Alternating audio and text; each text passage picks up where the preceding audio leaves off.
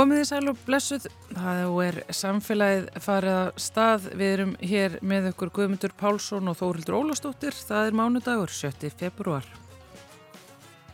Flugvél landhelgiskeslunar, TFCF, hefur mikið verið í fréttum undanfarið vegna áallana um að selja hana og þær hugmyndir mættu mikilli andstöðu úr ýmsum áttum og nú verðast þessar hugmyndir hafa verið settar á ís eða hætt við þær. Við ætlum að heimsækja flugskíli gæslunar á eftir og skoða þessa umtöluðu flugil. Við ætlum síðan að eh, velta fyrir okkur útrýmingu mannkins, hvorki meira niður minna. Er útrýming mannkins yfirvofandi? Hvernig þá og getur við komið í vekk fyrir það? Það er eh, Það eru flóknu spurningarnar hér. Við ætlum að ræða við Hlinn Orra Stefánsson, heimsbygging sem vinnur innan eh, nýrar rannsóknustofnunar í Svíþjóð sem rannsakar hamfara áhættur, svo kallar, og kynir stjórnvöldum heimsins hvernig eh, þau geti bröðist við. Hvernig við getum hægt að hugsa í kjörtímabilum og farið að hugsa í árhundruðum. Það er tæknimiljara mæringar sem er að fjármagna þessar rannsóknir en við verðum bara að fá að heyra meira og fáum bara einmitt að gera það hér um miðbygg þáttar. Svo kemur ykkar Helga Lára Þorsteinsdóttir sapstjóri Rúf með eitthvað gott úr sapninu, eitthvað gamla upptöku og ef við erum heppin þá finnum við eina málfarsmyndu. Já, það er hljóttum að geta gert það. En við byrjum í flugskíli gæslunar þar sem við skoðum TFC-ið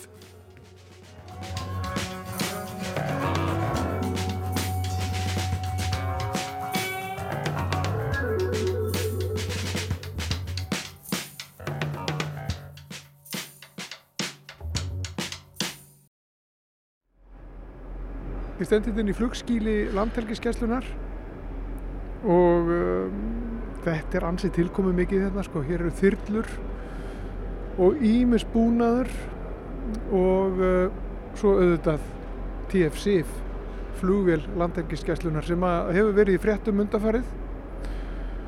Um, það stóð nú til eða var svona gefið í skín að kannski verið skynsanlegt að selja þessa flugvél og það mætti mikill í mótstöðu víða og ég held bara ég held bara allir sem voru spurðir álits hafi sagt að það væri mjög slæm hugmynd svo ekki sem er sagt það er önnu saga sem við ætlum ekki að reykja frekar uh, hér hins vegar ætlum við að, að skoða þessa flugvill þessa frægu flugvill landhelgisgeslunar sem er já, skindilega orðin uh, aðal umfylgdarhefni í fréttum Þetta er TFCF og hér er Viggo Sigursson, hann er stýrimaður hjá landhelgiskesslunni. Þú þekkir þessa flugvel mjög vel. Þetta er þinn vinnustæður? Já, uh, góð daginn. Þetta er sem sagt, má segja það sem við kvöllum bara skrifstofa mín. Og uh, við stöndum hérna framann að þú sérð, það er náttúrulega erfitt að lýsa þessu kannski útvarpi, það sem við sjáum. Prófum. En Uh, við erum hérna með náttúrulega þessa öflugu flugvel til leitar og björgunar uh, ein af sterkustu hlekkjum leitar og björgunar á Íslandi og uh, hún er búin flóknum skinnjurum sem að saman koma í tölvubúnaði inn í, inn í skroknum áni og hérna og er, hefur getu til að, að fljúa björgunarsvæðið okkar sem er þessi 1,9 ferrkilometrar að stærð og koma þar út neyðabúnaði til þeirra sem áttur að halda og við erum heppin með það, við höfum ekki þurft að nota það mikið en við höfum getuna með þessu tæki Hvernig flugvil er þetta? Hvað tegund er þetta og, og hvaðan kemur? Þetta er svona DAS 8 Q300 uh, kemur frá Kanada til okkar og, og hérna, þar er, er hún sagt, sérstaklega hönnuð fyrir landilíkjæsluna út frá mjög nákvæmlega greiningu á þörf okkar uh, miða við þau hlutverk sem að, að hérna, svona tæki þarf að uppfylla. Uh, þetta er sama tegundaflugvel og, og Æslandir eða flugfélag Íslands eh, er með hérna hinum megin við bröndina og hérna nema hvað að þessi er 300, flugfélagi rekur 200 og 400, sem sagt aðeins minni og aðeins stærri. Þessi stærð virtist henda, eða sem sagt hendaði okkur út frá uh, þeim sjónarhornum sem við höfum hort til, sem er bæði það að bera þennan þunga búnað sem að uh, fylgir tölvum og, og, og björgun og búnað sem á henni er og, og í henni, sem og að geta komið fyrir sjúklingum og eða þá fólki sem að þarf að flytja til eða frá stöðum sem á þurfa að halda. Það sem við sjáum hérna utan á henni, það er, það er hérna sjáum við rekka sem er með björgunabátum sem er, er hægt að kasta út á, á þeim stöðum sem að áþarf að halda, þar sem að fólk er í sjó eða, eða, eða fólk þarf að fara í sjó yfirgefa þann, þann stað sem þið eru á. Við sjáum 360 gráður radar sem er hérna undir henni sem að gefur henni uh, sín uh, miða við flughæð eða út frá flughæð allt frá 100 og upp í 200 mílur í kring. Við sjáum hérna mengunarradar sem að gefur 40 mílna uh, útsýni, ef við orðaða þannig, út frá vélinni í báðaráttir, sem sagt í raun og veru á 40 mílur og, uh, já, og myndavél, eða myndavélar öllu heldur sem eru þannig úr gardigerðar að virka bæði í uh, björtu og uh, myrkri. Og er það þessi kúla þarna það fremst? Það er kúlan þarna fremst við, við fram, framdekkið á henni. Já. En þessi mengunarradar, hvernig, hvernig er hann notaður? Hva, í hvaða tilgangi?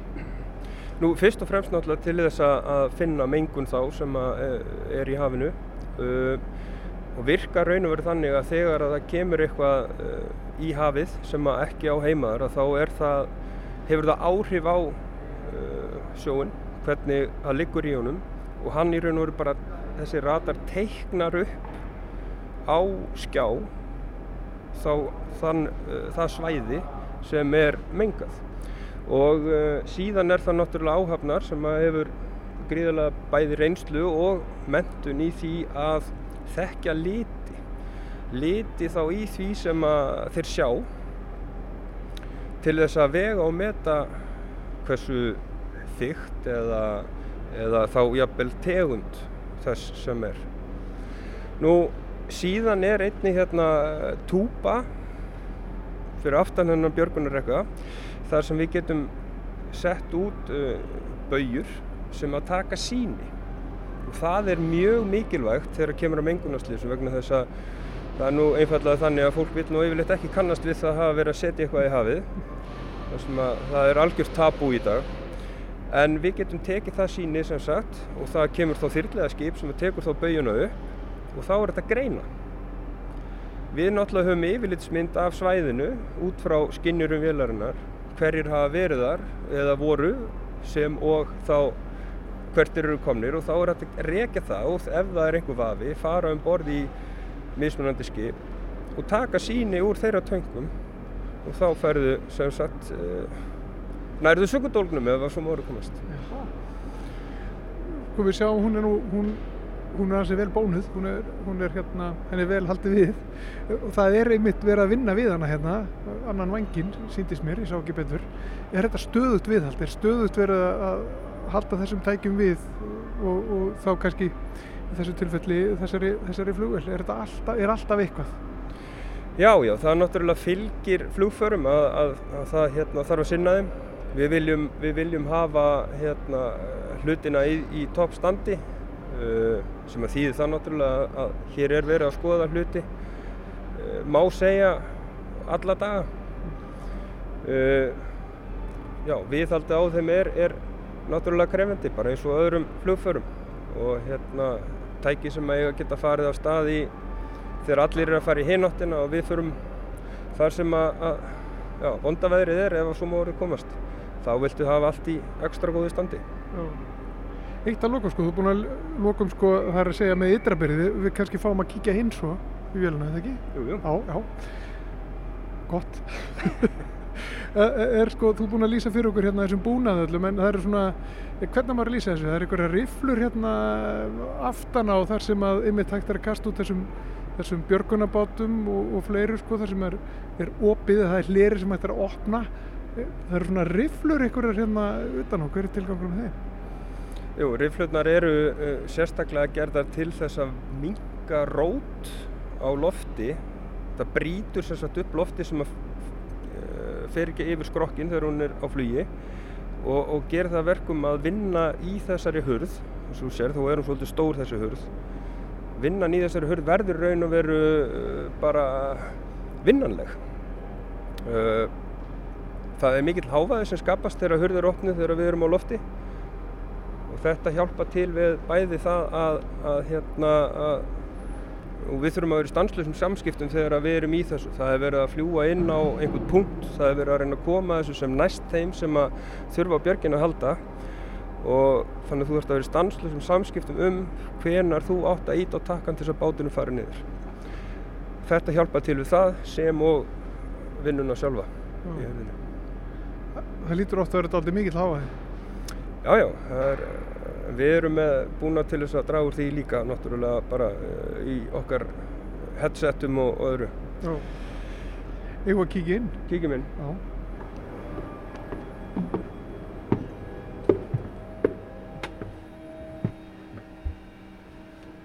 Já. Þetta er glæsilegt. Það, það er ekki það er ekki allt og þröngt um fólki það. Þetta er nú bara hansi, hansi rungott sínismanni. Já, ok, ekki alveg fyrir alla en það er vinnuðarstaði hérna fremst í vilni sem er stoltið, stoltið svona rúm mitt og svo er hérna svo er hérna daldið farþegarými og svo er hérna aftast í vélinni eh, eða svona nokkuð aftalega í vélinni er hérna já, vinnu, vinnurými fyrir ykkur sem eru þekkja til dæmis í, í leitum og, og björgun og þess aftar. Þetta eru, eru græðnar sem þú lístir fyrir okkur á að það ekki nema bara hinnendin. Jú, jú, hérna kemur þetta allt saman. Uh, eins og sér, þá erum við þrjá skjái sem að keira sem sagt uh, alla nema og, og skinjara vilarina saman upp á, á þessa skjái myndavilarratara og, og, og síðan náttúrulega forrið sem við höfum, höldum utan lög og reglugerðir. Sem og sem sagt það sem að kallast svona ég verð nú vel að bara sletta Mission Management System sem að gefa okkur stöðumyndina út frá öllum skinnjurum sem að vélinn hefur. Þar af leiðandi gefur það okkur sem sagt já, við sjáum allt sem er að gerast í kringum vélina og ég er búinn að vera það lengi hérna ég flög sem sagt á gamlu fokkervélinni, sín sem var hér fyrir áður en að þessi vél tók við. Og ég fór í heimsóknu Akureyri um daginn og lappaði um borði hana.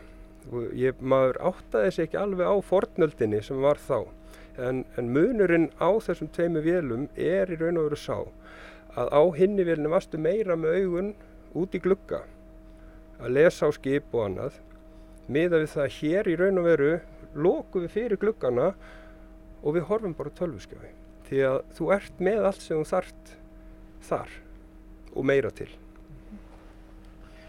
Þessi flugvel hún fer á loft líka þegar það eru eldgors til dæmis. Já.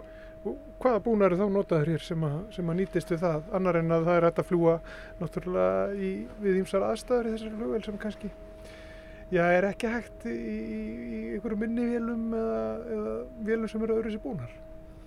Já, náttúrulega fyrst og fremst er það ratarinn sem er notaður þá. Hann er búinn þeim eiginleika að við getum tekið sem sagt myndir. Við notaðum ratarbilgjurnar, festum í raun og veru antennuna eða loftnetið sem alla jafna snýst í ákveðin átt á ákveðin stað og tökum mynd. Út frá þessu geta jarðvísindamenn bæði upp á háskóla og viðstofu nýtt til þess að vega og meta breytingar á landinu hvort að landi sé að hækka eða síga. Og þetta gefur okkur það að við getum gert þetta, það er alveg sama hvernig veðrið er. Skí eða svoleið sem alla jafna gerður verkum þú sérð ekki þannig færðu reyna mynd og það er í raun og veru uh, það sem við notum til að mynda í Eyjafjallagosinu og myndirnar sem þeir fengu þar frá okkur og sínin á það sem var að gerast þar það var gert með þessu tæki þessum radar En þessi vél hún hefur notuð þegar ekki, hún hefur verið leigð út og, og notuð í verkefni erlendis. Já, uh, við höfum verið að, semst, að taka þátt í uh, landamæra gæstlu fyrir Evrópusambandið. Og stopnin sem nefnist hérna, landamæra og strandgæstlu stopnin Evrópusambandsins Frontex. Og höfum verið að sinna sagt, gæstlu á ytri landamætum mærum Evrópu þar sem að hefur verið aukinn þrýstingur. Uh, Við höfum verið þar alveg frá 2010, mest neyri miðjarahafi og uh, hérna, verið að taka þátt sagt, í því að reyna að bjarga fólki sem er að fara á óeskilum förum uh, frá segja, sleppa við strísátök og komast í, í betra líf hinnum einn. Nú, Ísland hefur hlutverk að gegna í þessu sambandi uh, þar sem þetta tengist sem sagt, Schengen samstarfinu og hérna við erum að, að hluta til í þessu að sagt, standa bara við skuldbyrningar sem fylgja því samstarfi höfum verið að gera þetta sem uh, lið í því að þá hjálpa okkur í gegnum erfiða tíma. Voru það þannig bara. Já, þannig að við, það, það er heimil til að leia vélina í ákveðum verkefni líka frá sér. Já, við höfum það. Hvað er hérna aftur? Þú veist að segja mér þetta áðan sko, það er hérna björgunabátar eða ekki? Jú, ég Hér er raun og veru staðun þar sem við erum að annarkort að kasta út þessum björgunabátum sem við tölum um áðan og uh, túpan sem taka síni. En það má líka taka fram að, að þessi túpa hún getur líka hendt út neyðaböðum þannig að við getum svo sem líka uh, sett á stað ef við finnum. Og það er kannski ennþá tími í að næsta björgun kemur og við þurfum ekki á svæði því að við erum átt okkur því að við getum ekki náttúrulega verið í loftin endalust að þá er þetta að setja út neyðabæju sem að svo þá þyrla sem er að koma á vettvang getur miðað inn á og veit þá nákvæmlega spara tíma við börgun. Já, og það er þá staðsendingabúnaður í þeirri börgu? Já. Já, eitthvað sem gefur þeim bara upp eh, í raun og veru GPS-nitt þannig að þau bara koma nákvæmlega á þann stað sem þörfin er á. Já. Fyrst og fremst þá er þetta staðurinn þar sem að já, við, björgunin fer fram hjá okkur þegar við þurfum að fara að setja út búnað eða Þannig, við nýtum þetta líka fyrir fallífastökkvara og æfum mikið með, með hérna, flugbjörnarsitt þar sem að við hérna, til koma og, og fá stökk út hjá okkur og svo leiðis sem og að kasta út neyðabúnaði í fallífum og annað sem að getur komið á góðu nótum að við þekkjum það nú bara ef sagan er skoðuð. Þá, þá hefur við alveg tekið þátti því að senda út uh, fallífastökkvara á staði þar sem að kannski þýrlan kemst ekki vegna aðstæðna. Þannig að hérna eh, að, aðkoma þessar velar hún er, hún er eh, markbrotin og, og, og snerti flitinni margir. Hérna fyrsta farrýmið hérna, sem það getur kannski kallað sér svo þar sem eru leðursæti og borð uh, hverju sýta þar? Þetta er nú bara eiginlega aðstæðan sem við höfum til þess að næra okkur Já. í löngum flugum. Þarna að fá menn að standa upp við getum verið að fljúa hérna í 6-7 klukkutíma jafnvel í, í, og að setja fyrir fram á tölvi í svo langan tíma og svo standa upp og fá sér svona kaffesopa eða jafnvel að, að næla sér í hátdegismat eða svo. Að hérna, það er nöðsynlegt Hversu langa tíma tekur það að, að gera þessa flugvel tilbúna til þess að fara á loft? Ef það kemur sko, ef kalli kemur Hva, hversu lengi eru það komin í loftið? Landhelgisgæslan gefur sér um það byrj klukkutíma frá því að það kemur bóð og þanga til að, að við ætlumst til þess að vera að komna í stað.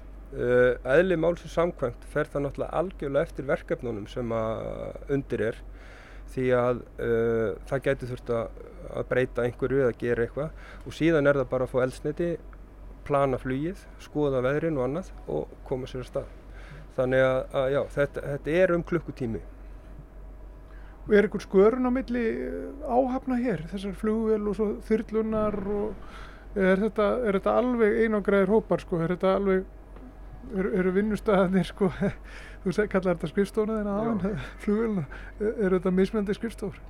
Já, já, þetta eru mismjöndi skrifstófur en enga síður. Uh, nú, uh, mín saga til dæmis og, og ég veit að fjölda annara er svo að, að hérna, maður byrjaði á skipunum vann sig upp þar og, og kom svo yfir á þyrlunar og kemur svo í raun og veru hingað. Þannig að uh, það er skörun á milli uh, flugmennir, við erum með flugmenn sem hafa verið á þyrlanum og koma svo hingað yfir.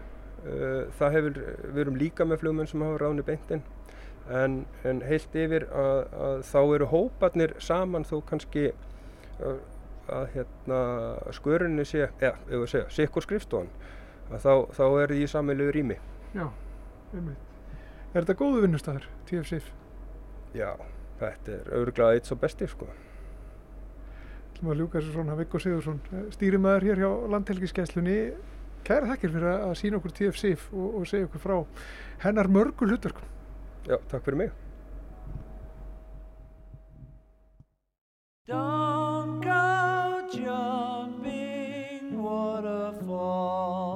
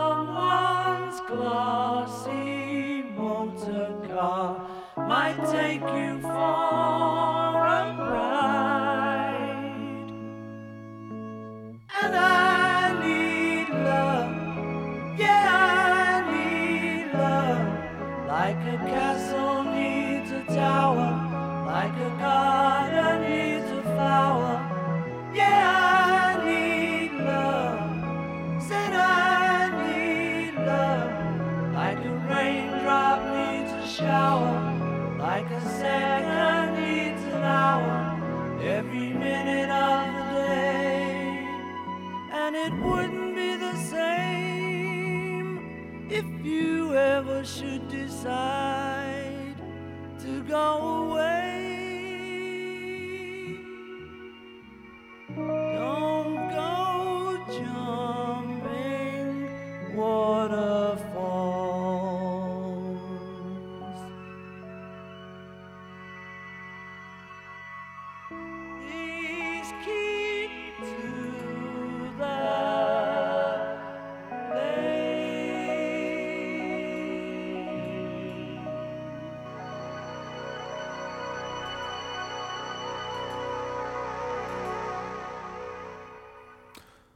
Þetta Paul McCartney og lag sem heitir Waterfalls lag af uh, plötunni McCartney 2 sem kom út árið 1980 þetta er aldrei skrítinplata en uh, ljómandi skemmtileg að sjálfsögðu, einhver síður Áframöldu við með samfélagið Hjá mér setur Hlinur Orri Stefánsson, dósend í hagnýtri heimsbyggi við Stokkólms háskóla. Sælurstu. Hæ. Hlinur, þú ert eh, hluti af rannsóknastofnun sem hefur það hlutverk að skoða svo kallar hamfara áhættur og það er náttúrulega það sem við viljum fræðast um og þess að ertu hingað komin. Akkur þarf sérstaka stofnun til þess að skoða þetta, hamfara áhættur og hvað er það eiginlega? Hamfara áhættur eru einhverjum veru bara svona alvarlegustu áhættunar geta verið allt frá hættunu á því að já, eldgósi eða snjóflóði.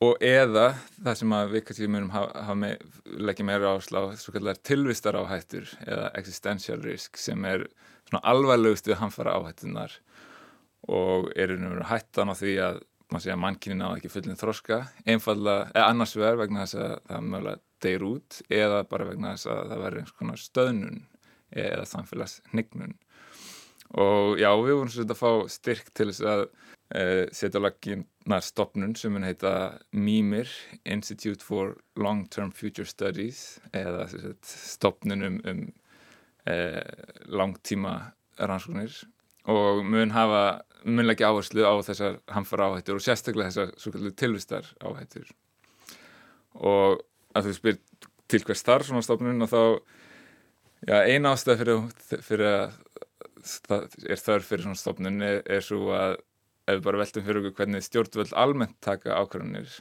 að þá er svona ákveðin skamtíma higgja sem, sem þar ræður ríkjum að jafnvel ef við hugsaum um hvernig ákvarðanar í loftasmálum og orkumálum eru teknar að þá eru, er sjónarhornið yfirleitt aldrei meir en 50 eða, eða kannski 80 ár sem að þykir samt mjög langt í, í svona þar kemur að stjórnvaldsákvörnum. En það sem við erum að leggja áherslu á er, er, er, er ennþá lengra sjónarhótt, minnst eitthvað stuð 100 ár og, og hún byggir einhver á afstöðu sem að á ennsku kallast long-termism eða langtímahyggja sem að í stuttumáli er svo afstæða að, eða svo skoðun eða kenning að áhrif ákvarðana til mjög langstíma geta oft verið mikilvægri heldur en áhrif til, til skamstíma það sem að til langstíma því það er 100 ár eða meira. Þannig að með hvernig stjórnvöld almennt taka ákvarðanir að þá er þetta svona frekar rótæk stefna og, og, og markmiðstofnunar er annars verið að þá stunda grunnrannsóknir á málefnum sem var það eh, hag og farsalt eh, mannkynst til mjög langs tíma. Og einnig að, vera gafkvært stjórnvöldum um þessi mál og einnig að vera með eins konar lobbyisma þar sé að þrýsta á stjórnvöld að taka þennan þetta langa sjónarhald með í reikningin. Og hugsa ekki bara í kjörtímabilum. Já, hugsa ekki bara í kjörtímabilum og hugsa ekki bara í ártíundum heldur, heldur ég að hundra ár fram tíman. Já. Og þegar að þá maður tekur þessa, þetta langa sjónarhald, þegar maður hugsa þetta langt fram tíman, að þá er, er ekki erfitt að komast að þeirri nöðist að þessar tilvistar áhættur þessi, þessi tegund hamfara áhætta sem við kallum tilvistar áhætta er mjög mikilvægt, þar sé að það er mjög mikilvægt að sjá til þess að, að hér verði mankin eftir, eftir 100 ár eða 200 ár og að það verði líft hér í jörðinni fyrir mankin og önnur dýr eftir 100 og 200 ár og, og ekki bara sjá til þess að, að reyna að hafa áhrif á það að hér verði líf heldur einnig að reyna að hafa áhrif á það hversu gott það lífi, hversu vel fólk getur lifað hér eftir 100 til 200 ár. En sko er þá út frá þeirri þekkingu sem þið hafið aflað er þá útrýming mannkins bara í kortunum þarna í framtíðinni eins og staðan er núna? Nei, ég, ég myndi ekki segja, ég held að engin myndi segja að það sé beint í kortunum í þeim skilningi að það sé líklegt en hins vegar þá er það í kortunum í þeim skilningi að það er mögulegt og, og þegar um er ræðið eitthvað svona alvarlegt, þetta alvarlegt eins jafn alvarlegt og, og útrýmingu mannkins og þá held ég að, að það sé mikilvægt að hugsa ekki bara um það sem líklega muni gerast, heldur einnig um það sem að mögulega muni gerast. Sem við hugsaum um þegar við já, fljúum eða keirum, það veltum við ekki bara fyrir okkur líklegust útkomunni, heldur líka reyna að koma veg fyrir, fyrir verstu útkomunnar, jafnvel þó að það séu ólíklegar. Mm. Og það eru ímsar, það eru ástæði fyrir að það eru ástæði fyrir að hafa ágjör af því að til dæmis útrýming mannkins eða kannski meira, meira lík, líklega að það verður stöðnun eða, hnignun sem að getur komið veg fyrir að, að mannkinn á fullin þróska eitt dæmi um það er að sjálfsögðu loftlagsbreytingarnar það er náttúrulega sem að hefur verið talað mest um. Já, já. en og annað sem hefur talað kannski mikið um síðustu tvö ári eru stríð. Stríð eru gríðalegur áhættu þáttur þegar kemur að, að, að tilvistar áhættu. Ekki bara vegna þess að fólk, margt fólk deyr í stríðinu heldur líka vegna þess að fólk eða þjóðir taka óskinsamar og, og mjög áhættisamar ákvarðanir í stríðum til dæmis við framleyslu eh, efnavopna og annara svo kallara lífræðilega vopna það sem að geta orðið slís við veitum til dæmis að, að ímsa þjóður hafi gert tilhörnir með að þróa ákveðna svona drepfarsóttir í, í hernatilgangi jafnvel þótt þess að þjóður ákveða ekki að nota þessar veirur í hernatilgangi þá geta orðið slís á rannsókstofunum alveg eins og hafa orðið stundum á öðrum rannsókstofum við, við rannsóknuna á veirum.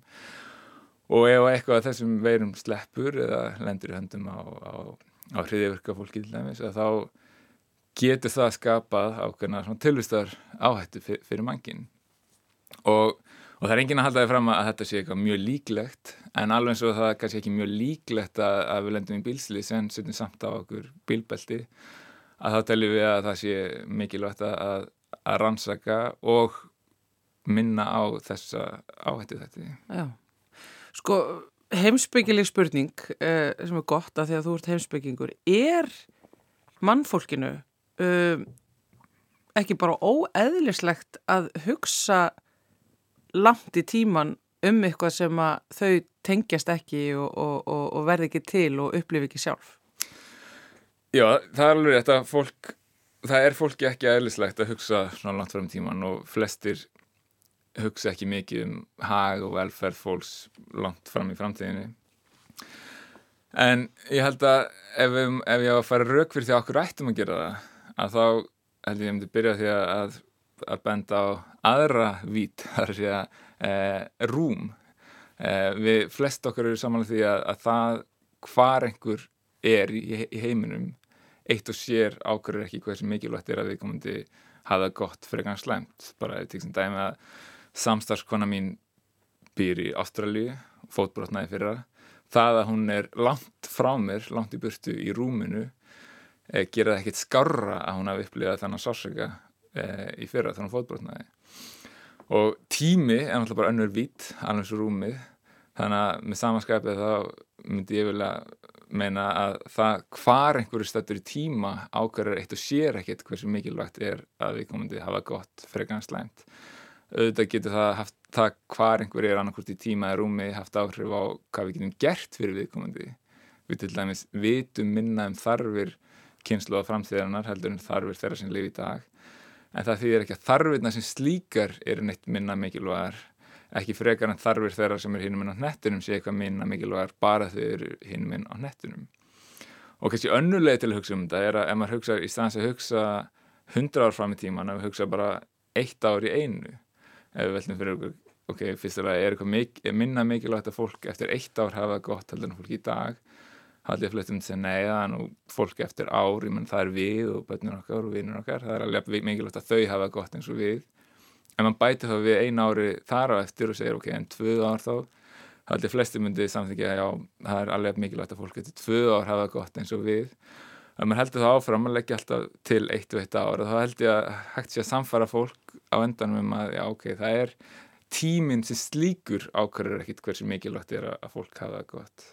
Já þótt hann getið ákvörða það hversu mikið við getum kannski gert fyrir fólk eða hversu mikið við getum vita um þarfið þeirra og, og, og svo framvegis en, en, en tími sem slíkur hefur engin áhrif á það hversu siðfyrlega mikilvægt er að fólk hafa gott frekar en að það sé óhamgisamt eða, eða upplifi til dæmis sásöka.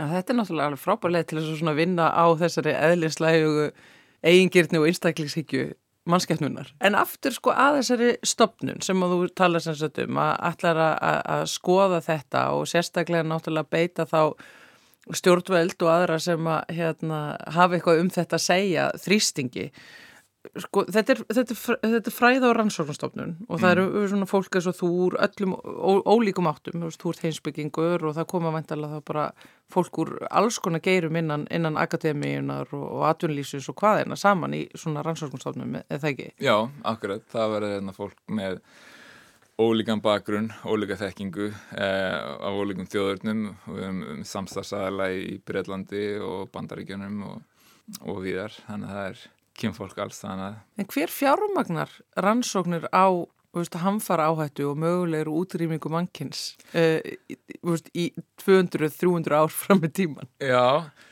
það er nefnilega áhugavert að, að, að það vil svo til að það hefur verið mikill áhugi frá uh, engaðalum til að, fjár, að fjármagna rannsóknir af þessi tægi. Annars verður það fjármála, fólki fjármála gerum og hins vegar það sem kalla maður kannski nýju teknimiljar að mæringa að, og það gildur um, um þessu stofnun að hún er alfarið fjármagnuð af engaðalum en gildur líka um sýsturstofnanar okkar í, í Oxford til dæmis og Austin í, í, í Texas.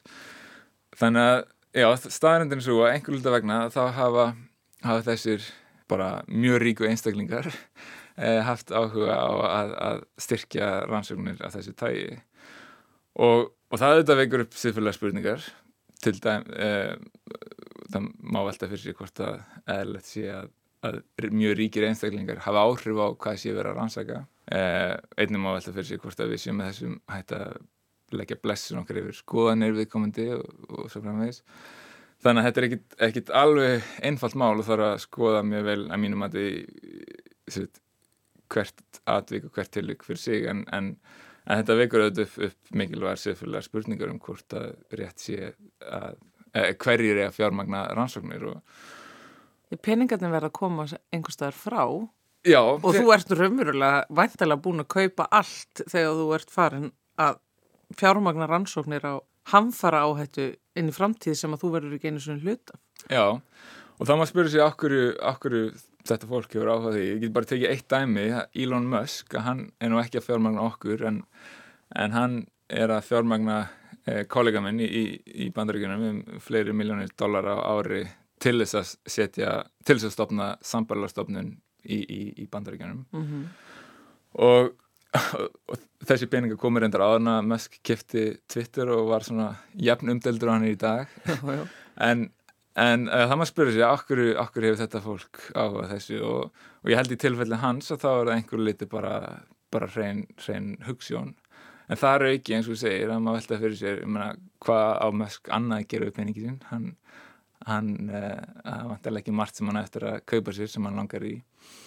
En þegar það kemur að svona áhættinu varandi þetta þá held ég sem mikilvægt sé að hugsa hvað hefði, hvað hefði annars gerst í fyrsta lagi í, hver, í hvað hefði þetta fólk annars eitt peningunum? Og hins vegar í, hver, í hverju í, í hvað hefðum við og fólk sem er að, að rannsaka þessi mál annars eitt sínum tíma? Já. Og að það vil svo til að ég held að þetta sé mjög mikilvæga rannsóknir að þá held ég að að fórnarkostnaðar svo að segja sé ekkit endlaði mikill. Ég er ekki vissum að, að við sem að stundum sem, að, sem stundum að baki þessari nýju stofnun værum að eða tímanum okkar í eitthvað annað. Og ef við værum að eða tímanum í eitthvað annað þá er ekkit vissum að það væri eitthvað mikilvægra en, en samt er kannski er eðlilegt að spurja þessari almennu siðfjölu spurningu hver á að hafa áhrif á, á hvað er verið að rannsaka og, og er eðlilegt að fólk sem að á mikið pening hefur áhrif á, á hvað er verið að rannsaka og, mm. og það er erfið spurning fyrst mér sem að, sem að situr eftir þáttur að við hefum í þessu tilfelli tekið þá okkur að, að, að það sé réttlætanlegt að við tökum við þessum peningum til þess að geta koma að laginnar þessari stopnin og, og stunda þessar rannsóknir Já. um hag og velferð framtíð, eh, kynsla framtíðinnar En það er eins og bara að heyrum á þér, bæði hægt að vera í ákveðinu tilfestakreppu en Mhm. á saman tíma ánaðu með í, í, í hvað þínir faglegu kraftar eru settir. Já, akkurat, ég held að ég er allan að búin að réttlega þetta fyrir sjálfum mér og, og hérna, en ég er samt reyna að muna að þetta er ekki það er ekki sjálfsagt að jafnvel þó maður, maður finnist peningarnir vera nýttið til góðs að það var ekki sjálfsagt að, ta að taka við fjármunum þessi dagi og, og við hefum sjálfsagt ekki tekið við fjármunum frá hverjum sem er og, og kannski eitt sem ég glemt að nefna að, að mikilvægast að öllu kannski er að, er að fá tryggingu fyrir því að, að þeir sem veita fjármagnir reyna ekki að hafa áhrif á, á rannsóknunar og í okkar tilfelli er það reyndar meðal annars tryggt með því að, að það er ákveðin við erum aldrei í beinu samskiptum við það sem er að, að fjármagna uh, og, og það er í rauninu nokkri einstaklingar sem er að fjármagna heldur er svona stopnun sem að er á, þar á milli sem að hefur það hlutverk að útluta fyrir til, til dæmis rannsóknarstofnana frá þessum ríku einstaklingum sem vilja vera stiðið rannsóknar þessu tægi. Já, þetta er náttúrulega algjörlega magnað. En uh, hlinur, sko, þetta er náttúrulega kannski svolítið erfitt rannsóknarsvið af því að það er kannski ekkert, það gefur sér ákveði myrkur, Mm. ákveðin endalók, uh, ákveðin bara ræðilega hluti sem að stæðja að mannkinni. Mm. Uh, og það er ekkert alltaf neitt rosalega mikið eh, svona ljós í þessu myrkri þegar við lítum í kringum okkur hvar við stöndum núna í loftlagsmálum og, og stríðsrekstri og, og, og um, stjórnmálahegðun og, Mm. út um allan heim er þetta ekki er, er, er ekki erfitt að vinna í þessu værið ekki bara veist, stundum bara frekar til í að, skoða bara heimsbygginga fortíðar og, og, og bara kafa ofan í nýtsi og gera rannsóknar á honum enn og aftur Nei, ég nefnilega mér finnst ekki vera mér finnst nefnilega vera ljós í myrkrinu og, mm. og, en bara ég sem er neikvæð þeir ekki að og í, mínum huga að þá er mikilvægi tilvistar þessar tilvistar áhættu byggir að miklu leita því hversu rosalega löng og farsæl framtíð mannkinn skæti orðið og verður ef við höldum vel á spöðunum og ef við bara gefum okkur ákveðna fórsundu bara til að gera þetta aðeins meira konkrétt að þá ef við til dæmis gefum okkur að mannkinn verði muni verða ja, gamalt og meðaltals meðal spendiri tegund að þá gætu oft allt í miljón ár framöndan og, og miklu lengur reyndar ef, ef við heldum mjög vel á spöðunum. Og, og þessi framtíð getur líka orðið mjög farsæl og kannski einlega til þess að sjá það er ef við bara, ef við bara hugsum, minnum okkur á þær framfæri sem hafa orðið á síðustu 200 árum.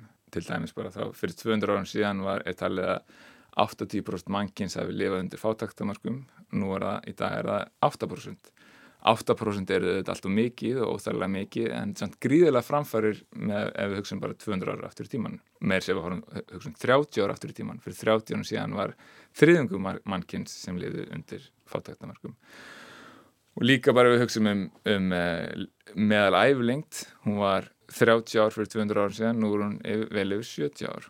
Siðfélagsið hefur orðið mjög mik mikla framfærir ég meina, ef við hugsaum 200 ára aftur í tíman almennu kostningaréttur afnám þrælahalds og svo framvegis. En hvað allt þetta var þar, sérstaklega hvað var þar fátaktina og, og svona siðfélagan þroska þá er mjög mikið tækifæri til framfæra líka.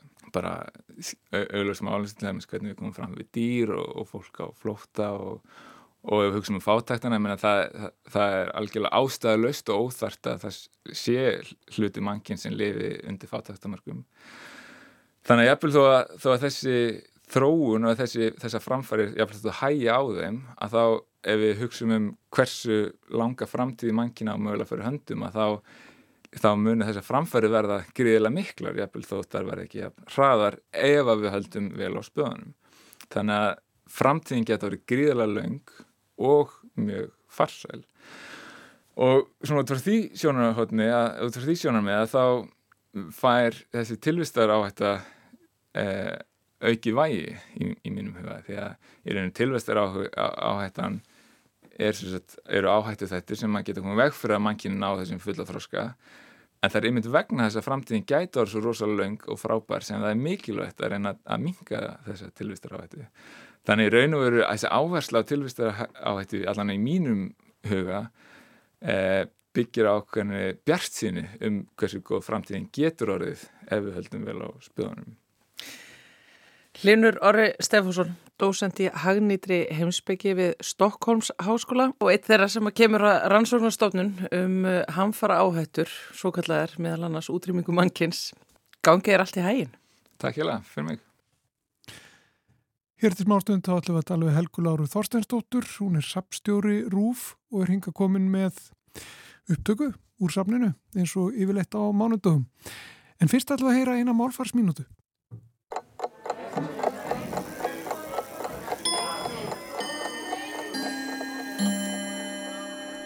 Orðskripi er orð sem virðist njóta vaksandi vinsælda. Orðabókarskýringin er á þá leið að orðskripi sér ljótt eða skripislegt orð. Skripislegur er ekki orð sem er á allra vörum og því er gaman að líta aðeins nánar á það. Það er í orðabók sagt merkja ófreskjulegur eða skrimslislegur, fýblalegur, gáskafullur, kerskinn, klúritali, blekkingarkendur og táldrægur. Orðið hefur líklega aldrei verið algengt og tímaritt.is eru aðeins 34 dæmi um það. Orðið skrýpi finnst í margskonar ormyndun. Skrýpalæti kannast líklega mörgvið og skrýpó, upphálega stýtting á skrýpalegur og síðar á skrýpamynd yfir það sem nú er almennt kallað myndasaga. En skrýpó öðlaðist fljótt sjálfstæðatilveru ántengingar við upphálega orðið. Það er þó líklega nálagt því að loknast út af því myndasagan hefur tekið við.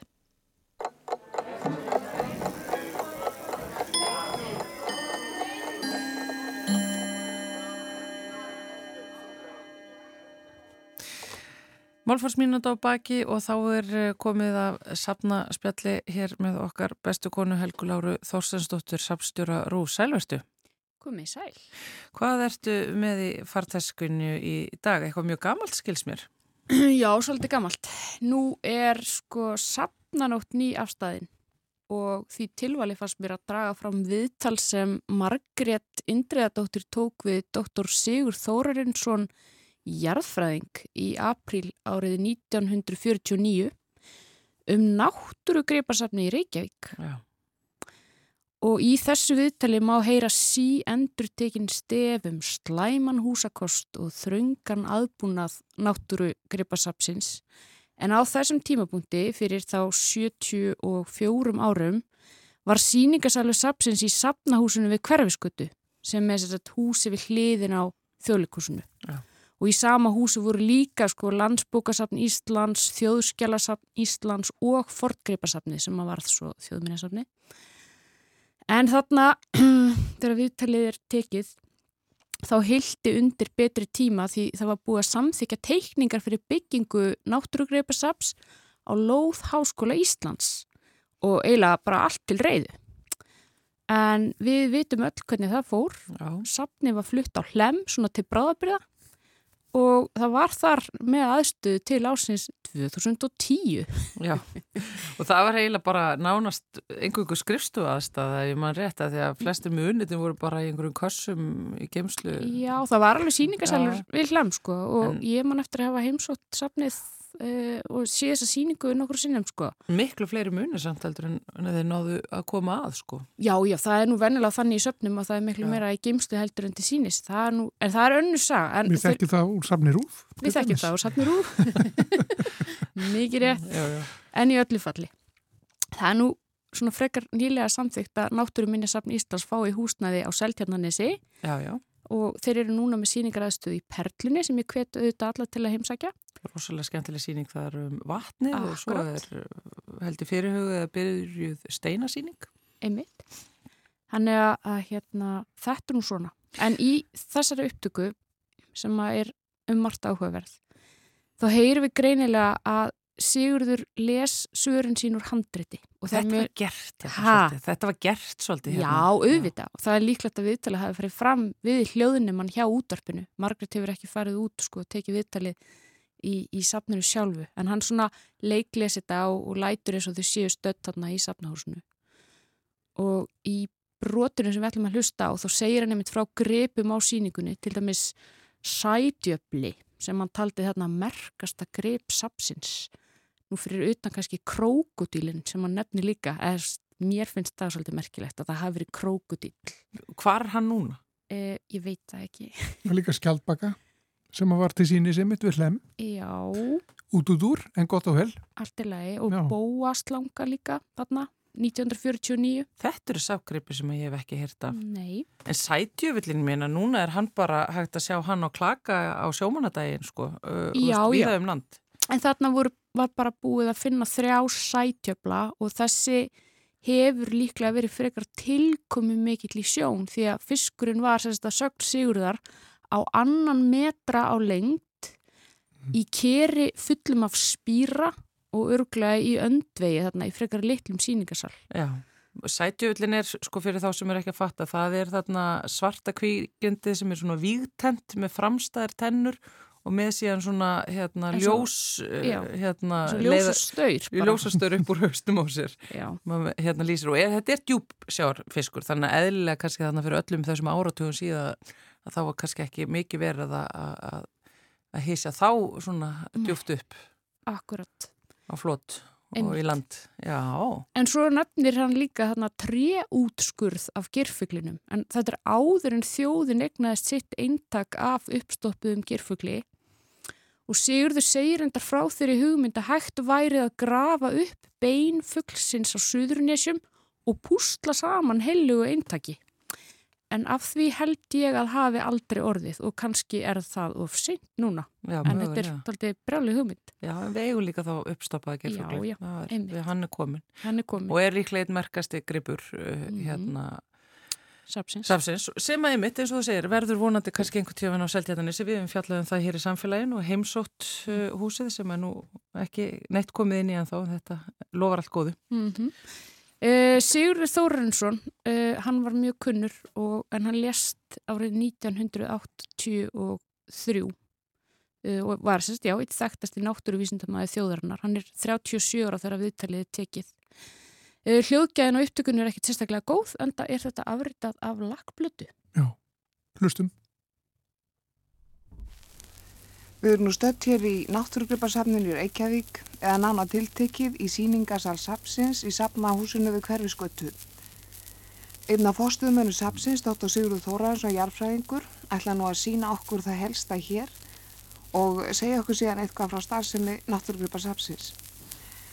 Jæja Sigurður, hvað er nú það merkilegasta eða markverðasta sem hér er að sjá inni? Og það kemur nú an upp á. Þessi síningarsalur eða náttúrugripasafni í þrengri merkingu, honum er ætlað að gefa þeim, er hann skoða, nokkra hugmyndum jurta, dýra og steinaríki Íslands.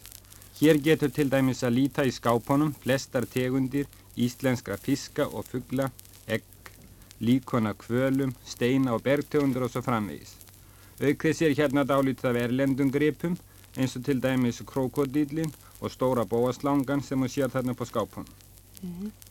En ætti að tilnefna merkilegasta gripin hér, þá verður það líklega sætjöfullin. Sætjöfullun. Já, sjáðu hérna, þessi ófrínilega skeppna sem líkur hér í 100 lítrum að spýra og heitir á vísindamáli Seratias holbölli, við hann er það merkilegt að hún og nánustu ættingjar, eða hann og nánustu ættingjar hans, hafa meira konuríki en þekkist annar staðar meðar hryggdýra. Þessi stóri og ófrínilegi fiskur sem hún sér hér á annan metra á lengt með ljóst hér á stöng upp úr bækinu er hvenn fiskurinn eða hrygnan en þetta örlittla síli sem hún sér hér fastvaksin neðan á kviðnum er hængurinn, hann er alveg ósjálfbjarga og getur ekki losna við konunar. Af þessum hrygnum er ekki nema örfáar til í heiminum, allar veitar hér við land og safni hér á þrjárðeira, þar á meðal þá sem fyrst fannst með dverghæng en það var Bjarni Sæmundsson sem fyrstu lísti þessu fyrirbrigði, hann fekk fisk 1917 þótt hann geti ekki stýrt þetta fyrirbrigði. Það var englendingur, ensku dýrafræðingur, Tate Regan sem fyrstu skýrði þetta fyrirbrigði. En eh, sætjöfullun sem fyrst veittist, er það þessi sem liggur þarna í kerinu? Nei, þessi sem líkur hér, það er sá sem að síðast veitist og sá stærsti og fallegasti sem er til er svo vitað sé. Hann veitist í fyrra á tógaranum agli rauða út á Eldíabanka 1. apríl. En eh, þessi fugl þarna ist til hægri á hillunni, er þetta ekki geirfugl? Já, gerfugl áða að fyrirstilla, en hann er því miður úr tré og ekki líka. Þeir geirfuglar sem til er á erlendu náttúrugripasöfnum og teljast þar til mestu kjörgripa eru vísnæðir allir ef ekki allir frá Íslandi en við eigum engan því miður.